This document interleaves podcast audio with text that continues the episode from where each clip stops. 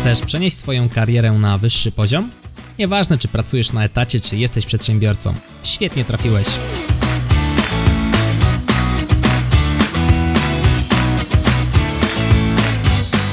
Nazywam się Michał Kowalczyk i witam Cię w Excellent Work Podcast. Witam Cię w kolejnym odcinku Excellent Work Podcast. Przyszła pora porozmawiać o komunikacji, jak komunikować się, aby nas zrozumiano. Tutaj komunikacja dzieli się na dwie sfery, na dwie przestrzenie. Można wytyczyć sferę komunikacji werbalnej i komunikacji niewerbalnej. Pomówimy sobie dzisiaj o obu tych obszarach. Ja nie jestem specjalistą w temacie. Co to znaczy? To znaczy, nie doktoryzowałem się na ten temat jakoś super bardzo. Natomiast jako osoba, która zdarza się, że jest wystawiona na takie coś jak wystąpienia, jest wystawiona na na przykład właśnie nagrywania podcastów, staram się doskonalić swój warsztat mówcy. I teraz doskonalenie swojego warsztatu mówcy, będącego podcasterem czy prelegentem, nie różni się jakoś bardzo od doskonalenia swojego warsztatu poprawnej polszczyzny osoby, która stara się o pracę, albo osoby, która prowadzi swoją firmę, no i chce ze swoimi dostawcami czy ze swoimi kontrahentami, komunikować się w sposób jasny, przejrzysty, no i przede wszystkim też poprawny. Nigdy nie wiadomo, kto stoi po drugiej stronie. Warto posługiwać się tutaj naszym językiem w sposób poprawny, to raz, ale też umieć po prostu najzwyczajniej w świecie od strony tej niewerbalnej się zachować. I teraz zacznijmy właśnie od tej drugiej strony, tej strony niewerbalnej, czyli tak zwanej mowy ciała. Jakimi tutaj trikami, jeśli mogę tak powiedzieć, możemy się posługiwać, na co powinniśmy zwracać uwagę? Mam tutaj kilka takich takich fajnych, myślę, punktów, przez które sobie wspólnie przejdziemy. Zacznijmy od garbienia się. Nie? Jeżeli te osoby, które tutaj oglądają mnie na YouTube, będą miały okazję zobaczyć trochę więcej niż osoby słuchające podcastu. Natomiast jeżeli e, tylko słuchasz, będziesz mógł sobie to wyobrażać.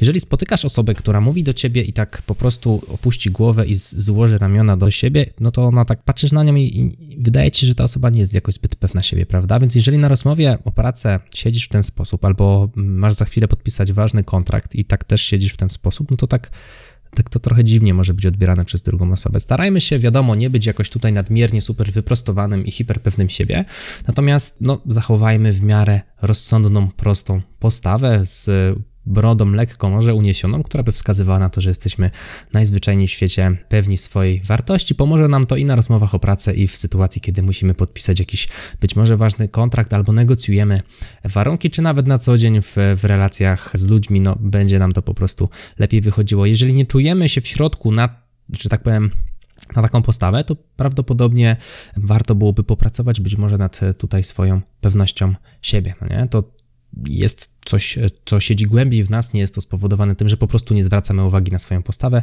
Może to być spowodowane tym, jak my faktycznie się czujemy, i bardzo często to będzie właśnie tym spowodowane.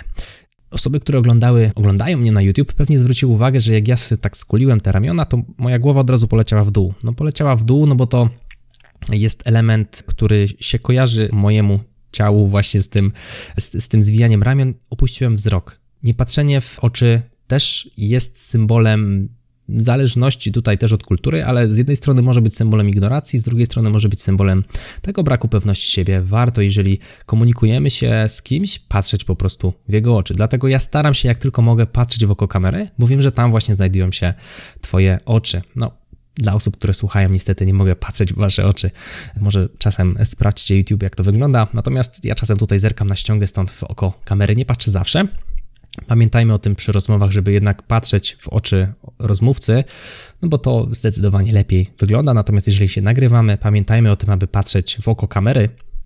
Nieważne, czy to jest oko kamery stacjonarnej, czy to jest e, oko kamery w telefonie, starajmy się patrzeć w obiektyw. Nawet na wideokonferencjach to jest bardzo trudne, no bo wtedy jak patrzymy w oko kamery, to nie widzimy naszego rozmówcy, zazwyczaj kamera jest powyżej ekranu, Natomiast no, jeżeli chcemy patrzeć w jego oczy, nie mamy wyboru. Musimy patrzeć w oko kamery, niestety. Śledzik zamiast uścisku dłoni. Tutaj e, temat, myślę, dość istotny w sytuacji, w której spotykamy się z kimś po raz pierwszy. To jest ten moment, w którym bardzo często podajemy sobie rękę i myślę, że mój drogi słuchaczu czy oglądający kojarzy sytuację, w której podajesz komuś dłoń i czujesz takiego śniętego śledzika taką rękę miękką, nie? No, w odbiorze nie jest to y, jakoś super przyjemne i świadczy to też trochę o postawie osoby. Znowu, jakoś dziwnie to jest postrzegane niewerbalnie jako symbol, oznaka jakiejś takiej właśnie wewnętrznej, znowu wewnętrznego braku pewności siebie, jeśli mogę tak powiedzieć. Także starajmy się, aby ten nasz uścisk też nie był zbyt super twardy, bo takie uściski być może też kojarzysz. Ja mam taką osobę, która się tak wita, jakby mi chciała połamać rękę. To znowu w drugą stronę, nie? To jest niezbyt też fajne. Dobrze, jeżeli ten uścisk jest po prostu pewny. Taki mm, nie twardy, nie miękki, natomiast pewny pokazujesz tym, że, że jesteś po prostu w miarę gdzieś tam pewny siebie, w rozsądnym stopniu pewny siebie, a nie agresywny, ani też nie, e, nie masz problemów z poczuciem własnej wartości.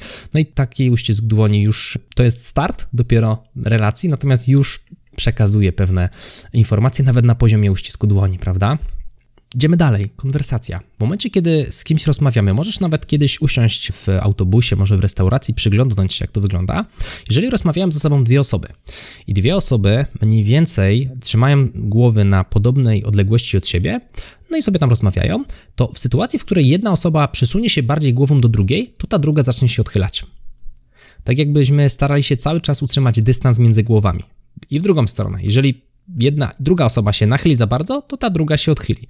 I to jest dziwne, ale tak to działa. Możesz, możesz to zaobserwować, do czego cię zachęcam. Czyli czego unikamy? Unikamy nadmiernego nachylania się do przodu, bo to powoduje, że nasza postawa ciała mówi, że nam bardzo zależy tak może to zostać odebrane. Możemy mm, zostać odebrani jako osoby bardzo nachalne, prawda?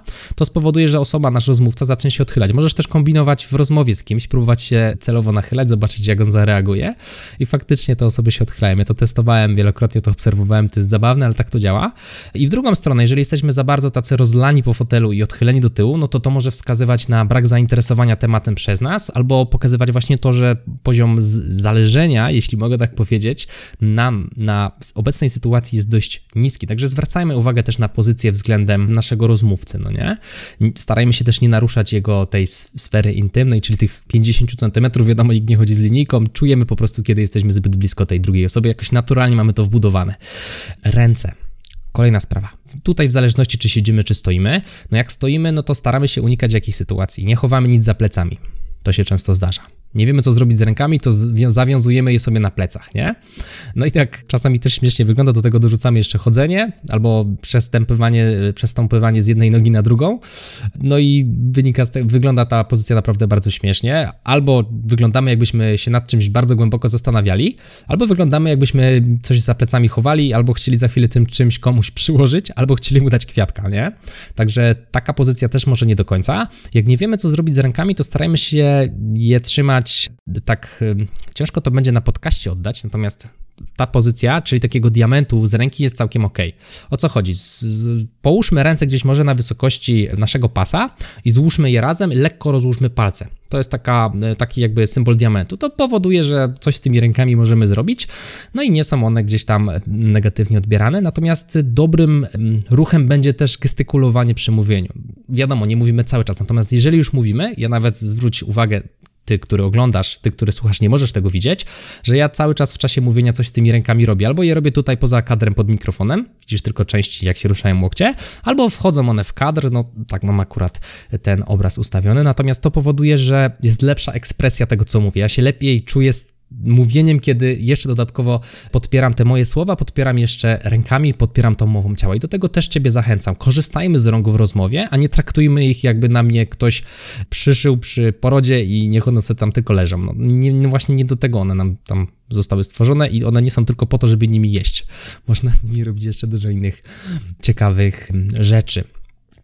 Jak już mowa o rękach, mówiliśmy o chowaniu, to jeszcze warto powiedzieć o grzebaniu przy twarzy. To też jest niebezpieczne. No jak z kimś mówimy, to wiadomo, nie muszę wspominać o grzebaniu w nosie czy w uchu, natomiast warto się zastanowić nad na przykład robieniem takiej rzeczy, jak ja teraz robię, czyli na przykład mówimy do kogoś i zasłaniamy usta.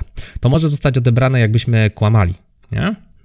unikamy takiej sytuacji, czy jakiegoś tutaj, nie wiem, grzebania się po nosie, nawet nie w nosie już, tylko gdzieś tam po nosie, albo czy tam coś was swędzi, nie? Mówimy, no wie pan ten, tu raczej gdzieś tam te ręce może nie do końca po twarzy. Ja chyba faktycznie, że nas tak w nosku swędzi, to tak tylko lekko, delikatnie przegrzebnąć, w sensie nie, przegrzebnąć to złe słowo, dotknąć się gdzieś tam po nosie i, i tyle. Natomiast róbmy to tak bardzo bym powiedział delikatnie, nie grzebmy przy twarzy cały czas, bo to może być też odebrane albo jeżeli zasłaniamy usta jako kłamstwo, albo jako jakaś oznaka zdenerwowania, czy dotykanie swojego ucha. Czasem są takie osoby, które siedzą i tam sobie miziają płatek ucha, nie? No to też nie do końca. Zabawy z włosami też raczej to nie ten temat. Zabawy z włosami są fajne, jeżeli jesteś kobietą i jesteś na radce i tamten, nie? Kokietowanie to może tak. Natomiast na rozmowach biznesowych może nie do końca tutaj operowanie rękami w okolicach włosów twarzy jest do końca dobrym pomysłem. Ręce z tyłu odpadają, ręce na twarzy i włosach odpadają, ręce w kieszeni. Mm, może tak, może nie. Niekiedy. No jak je włożymy prawie po łokcie do kieszeni, no to słabo. Natomiast jeżeli mamy rękę w kieszeni z kciukiem wyciągniętym, albo dwie ręce w kieszeni z kciukiem wyciągniętym, to nawet jeszcze gdzieś tam by przeszło. Znów zależy z kim rozmawiamy, nie? Jeżeli mamy jakąś tutaj bardzo turboistotną rozmowę i ta relacja z drugim rozmówcą nie jest jak, na jakimś takim w miarę zażyłym poziomie, no to myślę, że wkładanie rąk do kieszeni nie do końca jest dobrym pomysłem, nawet z kciukami na wierzchu. Natomiast jeżeli ta relacja jest już troszkę luźniejsza, no to myślę, że ręka w kieszeni oczywiście z kciukiem wyciągniętym na zewnątrz wygląda to całkiem, całkiem całkiem ok, więc tutaj do e, rozważenia w zależności od sytuacji. No i na sam koniec coś, o czym wspominam, zwróć uwagę, ty, który oglądasz, ale też ty, który słuchasz. Ja teraz do ciebie mówię, w zasadzie cały podcast mówię się uśmiecham, nie? Jak ja się uśmiecham do ciebie, to ten mój przekaz jest taki jakby lepszy.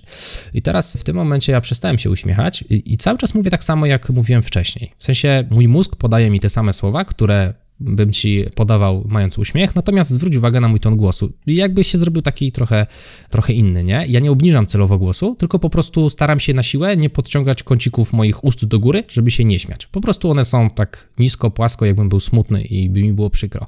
I nawet czujesz, nie widząc mnie, ty, który słuchasz, ale ty, który mnie widzisz, no to widzisz, że faktycznie się nie uśmiecham, że jest różnica. Natomiast jeżeli ja wrócę do tej sytuacji, w której ja się zaczynam śmiać, ja tak naturalnie mam przy, przy mówieniu, no to od razu ta barwa głosu się zmienia i te słowa jakoś inaczej docierają. Nawet nie muszę, myślę, mówić, kiedy zacząłem się uśmiechać, bo pewnie to poczułeś, kiedy, kiedy to się stało. Myślę, że to tyle na, na, ten moment, jeżeli chodzi o komunikację niewerbalną. Możesz poszukać sobie więcej materiałów w tym temacie.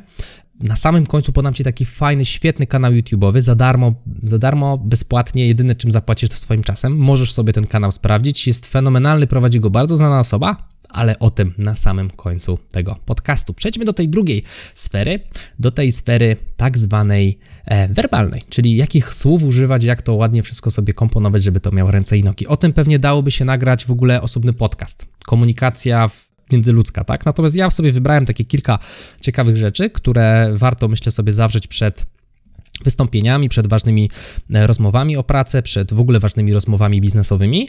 No i kilka błędów, na które warto zwrócić uwagę, które mnie osobiście denerwują, a które bardzo często spotykam na co dzień, tak zwyczajnie, więc myślę, że tutaj fajna, fajna wiedza będzie do, do odebrania, nie? Od czego zacznijmy? Od rozgrzewki. Jeżeli czeka nas rozmowa o pracy, jeżeli czeka nas wystąpienie albo w ogóle jakaś istotna rozmowa, warto rozgrzać swój aparat mowy. Ale to mądrze brzmi. O co chodzi? No, najlepiej nie wstać rano, nie odzywać się nic w ogóle i pierwsze słowa, które powiemy, to dzień dobry do naszego przyszłego rozmówcy, bo to spowoduje, że nasz aparat mowy nie będzie rozgrzany, po nocy będzie zastany. Będzie nam się język przyklejał do podniebienia, do zębów, nie będziemy pewne, pewne końcówki będziemy ucinali, coś tam się nam przylepi, nie będzie to tak fajnie i płynnie nam się mówiło, będzie nam się po prostu ciężko mówiło. Można ten aparat mowy rozgrzać na kilka sposobów, są do tego specjalne ćwiczenia, bez problemu takie ćwiczenia sobie można znaleźć w sieci można znaleźć też krótkie filmiki wideo, jak sobie takie ćwiczenia rozgrzewające poprowadzić, natomiast znów to trzeba się ich nauczyć i z nich potem korzystać. E, ja mam taki sprytny trik. Wystarczy, że weźmiesz e, dowolny fragment tekstu, nie wiem, ze 2-3 akapity i przeczytasz sobie je tak po prostu w miarę normalnym głosem no to spowoduje, że przejdziesz przez pewne literki, nie? Przejdziesz przez pewne literki, jeżeli poczujesz, że coś ci się gdzieś przylepia, możesz sobie powtórzyć te zdania, no i to spowoduje, że już trochę będziesz, że tak powiem, z tym aparatem mowy bliżej, będzie ci po prostu lżej. Nie będzie to pełna rozgrzewka, natomiast będzie ci zdecydowanie się łatwiej mówiło po takim przeczytaniu, nie wiem, kilku akapitów, może strony, niż gdybyś tak na surowo wziął, podszedł i, sie, siedział na przykład w samochodzie, nie wiem, półtorej godziny, bo jechałeś na spotkanie i był korek, się nic nie odzywałeś, wysiadasz, dzień dobry i jedziecie z tematem, nie? Czy jak masz wystąpienie publiczne, to też też lepiej sobie pogadać, nawet przyjechać wcześniej te 15-30 minut, porozmawiać sobie z organizatorami, bo taka rozmowa co powoduje? No, że my uruchamiamy nasz aparat mowy, czyli używamy języka, policzków, tak, krtani, rozgrzewamy to wszystko, bo to w trakcie ruszeń, ruszania generuje, generuje temperaturę, generuje ciepło i uelastycznia się, przez to łatwiej wypadają z ust nasze kolejne słowa. Dlatego jak ja do Ciebie mówię, to ja już jestem po takiej rozgrzewce, dzisiaj dużo gadałem, to jest moje już drugie nagranie, w międzyczasie miałem tam wizytę znajomych i tak dalej, i tak dalej, coś sobie tutaj też poczytałem przed samym nagraniem i mi się mówi całkiem dobrze i elastycznie, zresztą ja fabrycznie od kiedy się urodziłem, to mi się buzia nie zamyka, więc ja jakichś większych rozgrzewek nie potrzebuję. Oczywiście tutaj żartuję. Kolejna sprawa. Jak już jesteśmy rozgrzani, to warto zwracać uwagę na to, co z naszych ust się wydostaje. Oprócz zapachu i umycia zębów, co jest koniecznością, warto też zwrócić uwagę na same słowa, czyli to, jak je dobieramy i w jaki sposób konstruujemy zdania i konstruujemy nasz przekaz. Co, z czym się spotykam, co mi zresztą wypunktował kiedyś z moich master, mastermindowiczów Wojtek Bizup, tak zwane zakładanie ramy. Czyli przykład, wiem, że powiedzą Państwo coś tam, ale i coś tam, coś tam mówimy dalej, nie? Czyli unikamy sytuacji, w której my nakładamy na rozmówcę już to, jak on ma odebrać te nasze słowa. Bo po pierwszej części zdania my już mówimy odbiorcy, jak on to nasze zdanie odbierze. No właśnie po co? Wyrzućmy ten początek. Mówmy po prostu to, co chcemy powiedzieć, a nie mówmy, wiem, że ocenią to Państwo nisko, ale moim zdaniem to, to, to. Nie? Albo wiem, że to może się Państwu nie do końca spodobać, ale to, to, to, to. Nie? To jest zakładanie ramy. No i w drugą stronę, możemy też założyć ramę w taki bardziej pozytywny sposób. Wiem, że na pewno będą Państwo zadowoleni z tego, z tego i z tego, ale no, no, no, no. Nie? I teraz, jeżeli jesteśmy już przy na pewno, no to na, od na pewno jest bardzo blisko do zawsze i nigdy. Czyli staramy się czego? Unikać słów w stylu zawsze coś tam się dzieje albo nigdy coś tam się dzieje. Przychodzimy na rozmowę o pracy i mówimy zawsze firmy podchodzą do rekrutacji w ten sam sposób. To jest bardzo niebezpieczne zdanie. Użyliśmy słowa zawsze, czyli nie ma sytuacji, w której opcja B następuje. Zawsze jest ta opcja, o której my powiedzieliśmy. A co jeżeli rekruter powie, że wcale tak ich firma nie podchodzi do tej rekrutacji? Albo dowolne inne zdanie, podstaw. Jeżeli dobijasz deal, dobijasz kontrakt, podpisujesz, negocjujesz coś i użyłeś słowa zawsze albo użyłeś słowa nigdy, no równie dobrze kontrahent może ci powiedzieć, że to nie jest prawda. Nie? Czyli jest w stanie ci udowodnić, że się mylisz. Nie? Co nie jest złe na koniec dnia, natomiast warto się mylić w takich sytuacjach, powiedzmy, nie tak błahych jak przy używaniu słowa zawsze i nigdy. Unikajmy tych słów jak ognia. Nie? Tak samo na przykład często. No, często już jest be bardziej bezpieczne, no bo często to nie zawsze. No nie? Albo w większości przypadków. No też pytanie, czy w większości przypadków coś tam się dzieje. Mamy na to jakieś badania, czy tak nam się po prostu wydaje, nie? Kwestia związana z błędami poznawczymi, także starajmy się precyzyjnie się wyrażać. Szczególnie jeżeli rozmawiamy z osobami, które są bardzo analityczne, które, jeżeli aplikujemy na stanowiska, na które rekrutują nas osoby takie bardzo analityczne, czyli jacyś menadżerowie związani właśnie z liczbami, i my sami też mamy z tymi liczbami operować. Jeżeli my już teraz nakładamy rzeczy typu często, zawsze i tak dalej, a nie mamy podparcia w liczbach, no to może się okazać, że to nas skreśli. Jeżeli dobijamy deal z kontrahentem, który też jest taki cyferkowy, mm, uważajmy na to, naprawdę na to uważajmy, bo to jest niebezpieczne. I teraz moje dwa ulubione słowa, w zasadzie ulubione, których nie używam. Leczyłem się z nich, z nich mm, z dwa miesiące, ale się wyleczyłem. Jakby i generalnie. O co chodzi? No już tłumaczę. Mam takie przykładowe zdanie. Generalnie ludzie jakby lubią otrzymywać dobre oferty, bo generalnie mogą z nich skorzystać. Versus ludzie lubią otrzymywać dobre oferty, bo mogą z nich skorzystać. Które zdanie jest lepsze? No, pewnie drugie. A dlaczego? Bo jest w sumie krótsze i takie jakby czystsze. Jakby i generalnie to takie swego rodzaju rozwadniacze mowy. To są słowa, które w żaden sposób nie wpływają tutaj na, na nasz komunikat. No bo co to za różnica, czy ja to generalnie dodam, czy go nie dodam? Nie? To jest pierwsza sprawa. A druga sprawa to jakby. Są takie osoby, które regularnie co drugie słowo wrzucają jakby. I mnie jakby to trochę y, jakby denerwowało, no bo y, jakby to powiedzieć, no to słowo jakby zbyt dużo nie wprowadza do naszej komunikacji, no bo jakby ono nie zmieniało nam tego zdania, chociaż generalnie to, to może je jakoś tam zmienia, chociaż jakby, jakby nie. nie no, ogólnie rzecz biorąc, y, unikajmy słów generalnie i jakby, bo one nie wpływają tutaj na to, jak zdanie jest odbierane. Czyli jak słyszycie generalnie u kogoś, no to nie, może nie do końca trzeba mu zwracać, zwracać od razu uwagę, ale skupiajmy się na tym, żeby wyostrzyć swój zmysł na to, jak my mówimy generalnie, poprzez słuchanie innych i zwracanie uwagi na generalnie i jakby. Jak zaczniemy zwracać u innych, to u nas to się wyłączy po prostu. Ja miałem taką metodę, ewentualnie poproście kogoś, żeby was łokciem jak to powiecie. Natomiast to musi być osoba, z którą e, często i gęsto przebywacie i jak słyszy u was takie słowa, to je sobie, to je wam tutaj tyk łokciem pyknie i wy sobie je będziecie powoli wycinać. Także jakby generalnie puch ze słownika out, nie, nie ma tutaj potrzeby. Ok, myślę, że tyle takich rad istotnych, jeżeli chodzi o wycinanie słów i kwestie tutaj rozgrzewki, czy unikania jakichś, jakichś wyrażeń. E, zwróćmy też uwagę na błędy językowe. Na błędy językowe, wiadomo, tutaj możemy się śmiać z jakichś różnych dziwnych memów w stylu gramatyczne gestapo, natomiast zwracajmy uwagę na, no jednak na tą poprawną polszczyznę, no bo nawet gdybyśmy na chwilę się zatrzymali i znowu będziemy aplikowali do jakiegoś cyferkowego stanowiska, czy będziemy rozmawiali z kimś, kto jest bardzo cyferkowy z firmy i będziemy razem podpisywali za chwilę kontrakt czy umowę, kwestia przepuszczenia przez logikę takiej takich słów, jak na przykład cofnąć się do tyłu przez taką osobę, no nie jest trudna, nie? Jeżeli mamy kogoś analitycznego, cofnąć się do tyłu. Gdybyśmy się tak na moment zatrzymali nad tym słowem, bo my mówimy bardzo często, natomiast rzadko się zastanawiamy nad słowami, których używamy nad znaczeniem tych słów. Po prostu mówimy, bo tak nas się nauczyło jakoś tam kiedyś, dawno lata temu, no i nie, doskonalimy sobie tego warsztatu, nie? Cofnąć się do tyłu. No jeżeli ja się cofam, to, no to nie mogę się cofnąć do przodu. Samo słowo cofać zawiera już informację, że będzie się poruszał w kierunku wstecznym, nie? Więc jeżeli dodaję do tego jeszcze do tyłu, to się robi z tego takie masło maślane, nie? Wystarczy powiedzieć, że cof, cofnę się i tyle. Albo będę poruszał się do tyłu, alternatywnie, nie? Nie trzeba tutaj jednego i drugiego łączyć. Jedziemy dalej. Po najmniejszej linii oporu. Zastanówmy się, najmniejsza linia. Czy linia to jest coś, co może być najmniejszego? Może być najkrótsza, nie? Po najkrótszej linii oporu? No nie. Tu chodzi o to, e, że nie mówimy po najmniejszej linii oporu, tylko po linii najmniejszego oporu, bo opór może być najmniejszy, nie linia. To się stało w momencie, kiedy żeśmy zaczęli trochę mieszać to, to nie wiem, powiedzenie, jeśli mogę tak powiedzieć, no bo składa się ono z czterech słów, nie? Po najmniejszej linii oporu w wersji błędnej. Po najmniejszej przepraszam, po linii najmniejszego oporu. Po, po najmniejszy, po... Człowiek się zatabaczy, jak to 400 razy czyta. Po najmniejszej linii oporu jest oczywiście błędne.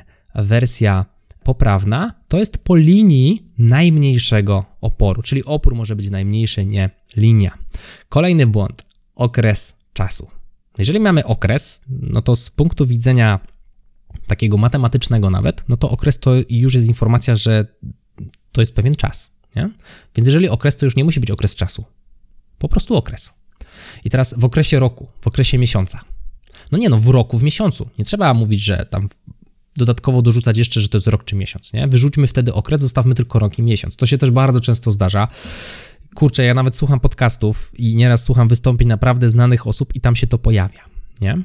I ja tak czuję, że no okej, okay, ale wydaje mi się, że powinniśmy sobie trochę zadbać o to. Mnie to bardzo razi, bo wiem, że to jest błąd, nie? Natomiast mnie, ja pewnie jestem jakoś trochę inny, ale, e, ale zwracajmy na to uwagę, bo może się trafić nam po drugiej stronie stolika też osoba, która ma trochę hopla na takim punkcie, więc unikajmy tego okresu czasu, nie? Kolejny błąd. Brać na tapetę.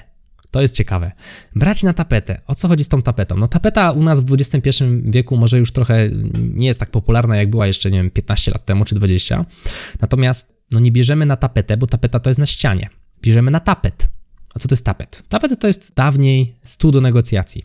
Jak się coś brało na tapet, to się kładło na tapet i się nad tym negocjowało. Czyli bierzemy coś na tapet, nie bierzemy czegoś na tapetę. Nie? Pamiętajmy o tym. I w ogóle to jest fajne, jak e, ktoś was zapyta, ale jak to na tapet? A wy mu to wyjaśnicie, to a, o, mm, o okej, okay, fajne, fajne. No to robi to, to też dobre wrażenie. Um, kolejna sprawa, kwestia policzalności i niepoliczalności rzeczowników. Ale to ja brzmię normalnie jak polonista dzisiaj. Ilość ludzi. Ilość. Co to, co to jest ilość, nie? Ilość to może być litr, prawda? To jest ilość. Jakiś tam mililitr i tak dalej. Ilość to jest coś, co się znajduje pewnie w jakimś naczyniu. No to ilość ludzi nie bardzo. Natomiast liczba ludzi już tak. No bo ludzie to jest coś, co możemy policzyć. Mamy jednego człowieka, dwóch ludzi, nie mamy litra ludzi, tylko raczej ludzi się, że tak powiem, komunikuje na sztuki, jeśli mogę tak powiedzieć. Więc ilość ludzi, ilość krów, Ilość monitorów? No nie bardzo.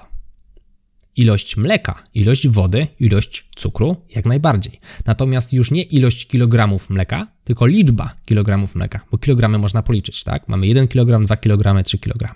Także zwracajmy uwagę, jeżeli coś da się policzyć, to mówimy, że liczba czegoś, a jeżeli czegoś się nie da policzyć w sensie 1, 2, 3, tylko jest takie płynne albo sypkie, no to wtedy mówimy ilość. To jest też, myślę, fajny, fajny, e, fajny tips. Muszę Tobie powiedzieć, to znowu zależy od, wydaje mi się, e, części kraju. Wydaje mi się, że na północy, w rejonach e, nadmorskich, to muszę Tobie powiedzieć, jest częściej spotykane, ale mogę się, mogę się mylić. Takie mam prywatne odczucie. I teraz nie mówi się poprawnie, muszę Tobie powiedzieć, tylko muszę Ci powiedzieć. Też zwracajmy na to uwagę. Muszę Ci powiedzieć. Kolejny fajny przykład, fakt autentyczny. Fakt autentyczny, znowu, to jest ten sam przedział, co cofnąć się do tyłu. Jeżeli coś jest faktem, no to to raczej jest już autentyczne, nie? Więc po co znowu albo mamy sytuację, która się autentycznie stała, albo mamy fakt. Jedno i drugie razem nie bardzo. Osobno jak najbardziej. Czyli mówimy albo, że jest fakt, albo że coś tam się autentycznie wydarzyło. Ok, jedziemy dalej. Co tu pisze i co tu jest napisane? To jest długo było sporne i różne tutaj są interpretacje. Natomiast jeżeli coś jest fizycznie napisane na kartce, no to raczej tak na logikę patrząc, to, to to już jest napisane, więc co tutaj jest napisane. Natomiast jeżeli ktoś nam pisze, czyli wykonuje w tym momencie czynność pisania, no to on tu pisze, więc co tutaj pisze. Nie? Tutaj można byłoby doczytać, wiadomo, coś gdzieś mi się obiło uszy, że pan profesor Miodek chyba się wypowiadał, że obie formy powoli na tyle mocno wchodzą w użycie, że już ta, ta część napisane, e, nie, te, ta część, co tu pisze, w sensie to wyrażenie, co tu pisze, jest równie poprawne, jak co tu jest napisane, ale nie dam sobie za to ręki uciąć. Żeby mieć stuprocentową gwarancję, warto pamiętać o tym, że jak coś jest już napisane, no to co tutaj jest napisane. Włączam i włączam, które jest poprawne i jak to zapamiętać. Mamy w domu włącznik, czy mamy w domu włącznik światła? Nie? No, mamy włącznik, więc co robimy ze światłem? Włączamy światło. Nie wy, nie, nie włączamy, tylko włączamy. Tak samo nie wyłącznik, tylko wyłącznik, prawda? Więc wyłączamy światło, nie wyłączamy. Wziąć. To jest znowu taka hiperpoprawność trochę z naszej strony. Wziąć coś do ręki. No, no wziąć, tam eś nie ma, nie? Wziąć po prostu. Wziąć jest ok. No i powtórz raz jeszcze, czyli przedział fakt autentyczny i cofnąć się do tyłu. No jeżeli powtórz, no to nie raz jeszcze, tylko po prostu powtórz. Nie trzeba drugi raz tego mówić. To są, myślę, takie najczęściej spotykane błędy w naszej, w naszej polskiej mowie, które można spotkać nawet rozmawiając ze znajomymi. Tak jak mówię, ja nie mówię, słuchajcie, macie teraz być hiperpoprawni i w ogóle wszystkich poprawiać dookoła. Natomiast warto gdzieś tam samemu sobie tak, taką trochę autorefleksję zacząć włączać, Włączać? Nie no, oczywiście dobrze powiedziałem włączać. Z tym też miałem chwilę problem. Także włączamy sobie autorefleksję i zwracamy uwagę, żeby mówić poprawnie, bo to jest fakt autentyczny, co teraz powiem. Ciekawe, kto wyłapał. Nie, no to jest fakt, co teraz powiem. Zdecydowanie lepiej się nas słucha, jeżeli używamy tej polszczyzny poprawnej. To się wydaje mała zmiana, to się wydaje być małą zmianą, Natomiast w perspektywie czasu i takiej dłuższej komunikacji, słuchania kogoś, to takie właśnie małe szczególiki powodują, że nasze zrozumienie nas, przy dołożeniu do tego oczywiście tej części niewerbalnej, jest zdecydowanie większe. No i też chciałbym zdementować ten krążący gdzieś w świecie mem, że tak naprawdę za komunikację człowieka tutaj procenty podają różne, odpowiedzialne jest ciało w 80%, 90, 95, a słowa są nieistotne. No ciekawe, to zaklejmy sobie usta, machajmy rękami i zobaczymy jak bardzo się dogadamy. Mm to nie do końca te badania ktoś tam sobie zinterpretował w odpowiedni sposób, także słowa nadal są istotne i dobra komunikacja to taka komunikacja, która składa się z tych dwóch elementów. A na końcu obiecałem Ci, że podam Ci fajne miejsce, fajną przestrzeń, która pozwoli Ci poprawić Twój warsztat mówcy z punktu widzenia i osoby, która występuje, ale też z punktu widzenia osoby, która ma za chwilę rozmowę o pracę, z punktu widzenia osoby, która ma za chwilę spotkanie, szeroko pojęte spotkanie biznesowe, czy nawet taka osoba, która już pracuje i ma zrobić prezentację. Istotne jest, aby umieć się ładnie wypowiadać, i żeby umieć to też fajnie gdzieś tam ubrać w, w słowa, żeby nie robić błędów i tak dalej, i tak. Polecam Ci kanał Tomasza Kamela, to ten gościu z telewizji, tak, tak, to ten. I on ma taki fajny kanał na YouTubie, Kamel Channel się nazywa, Kamel Channel, channel tak jak mówimy po polsku, nie, nie po angielsku, tylko po prostu channel, wygoogluj sobie na YouTubie, wygoogluj sobie na YouTubie, chyba to y, nie do końca byłoby poprawne. I znajdź na YouTubie, jak najbardziej znajdziesz tam naprawdę fajne hity, fajne tipsy. Część z tych tipsów, które ja tam znalazłem, umieściłem tutaj, to oczywiście nie jest wszystko wzięte od Tomka, ale sporo rzeczy tutaj od Tomka oczywiście pożyczyłem, bo to jest kanał fenomenalny, dlatego właśnie e, polecam Tobie e, zajrzenie do tego kanału. Jeżeli podobał Ci się ten odcinek i czujesz, że dałem Ci wartość, zachęcam Ci do tego, abyś podzielił się nim z jedną osobą. Wyślij link czy do YouTube'a, czy poinformuj ulubioną Twoją osobę albo kogoś, z kim chcesz się podzielić o tym, że kolejny odcinek Excellent Work Podcast jest już dostępny w aplikacji do słuchania podcastów, czy to w Spotify, czy w iTunes, Apple Podcast, czy innych aplikacjach do słuchania podcastów. Na pewno znajdzie, jeżeli tylko wpiszę Excellent Work Podcast. Tymczasem dziękuję Ci za Twój czas dzisiaj. Mówił dla Ciebie Michał Kowalczyk. No i do usłyszenia albo do zobaczenia w kolejnym Excellent Work Podcast. Trzymaj się, hej!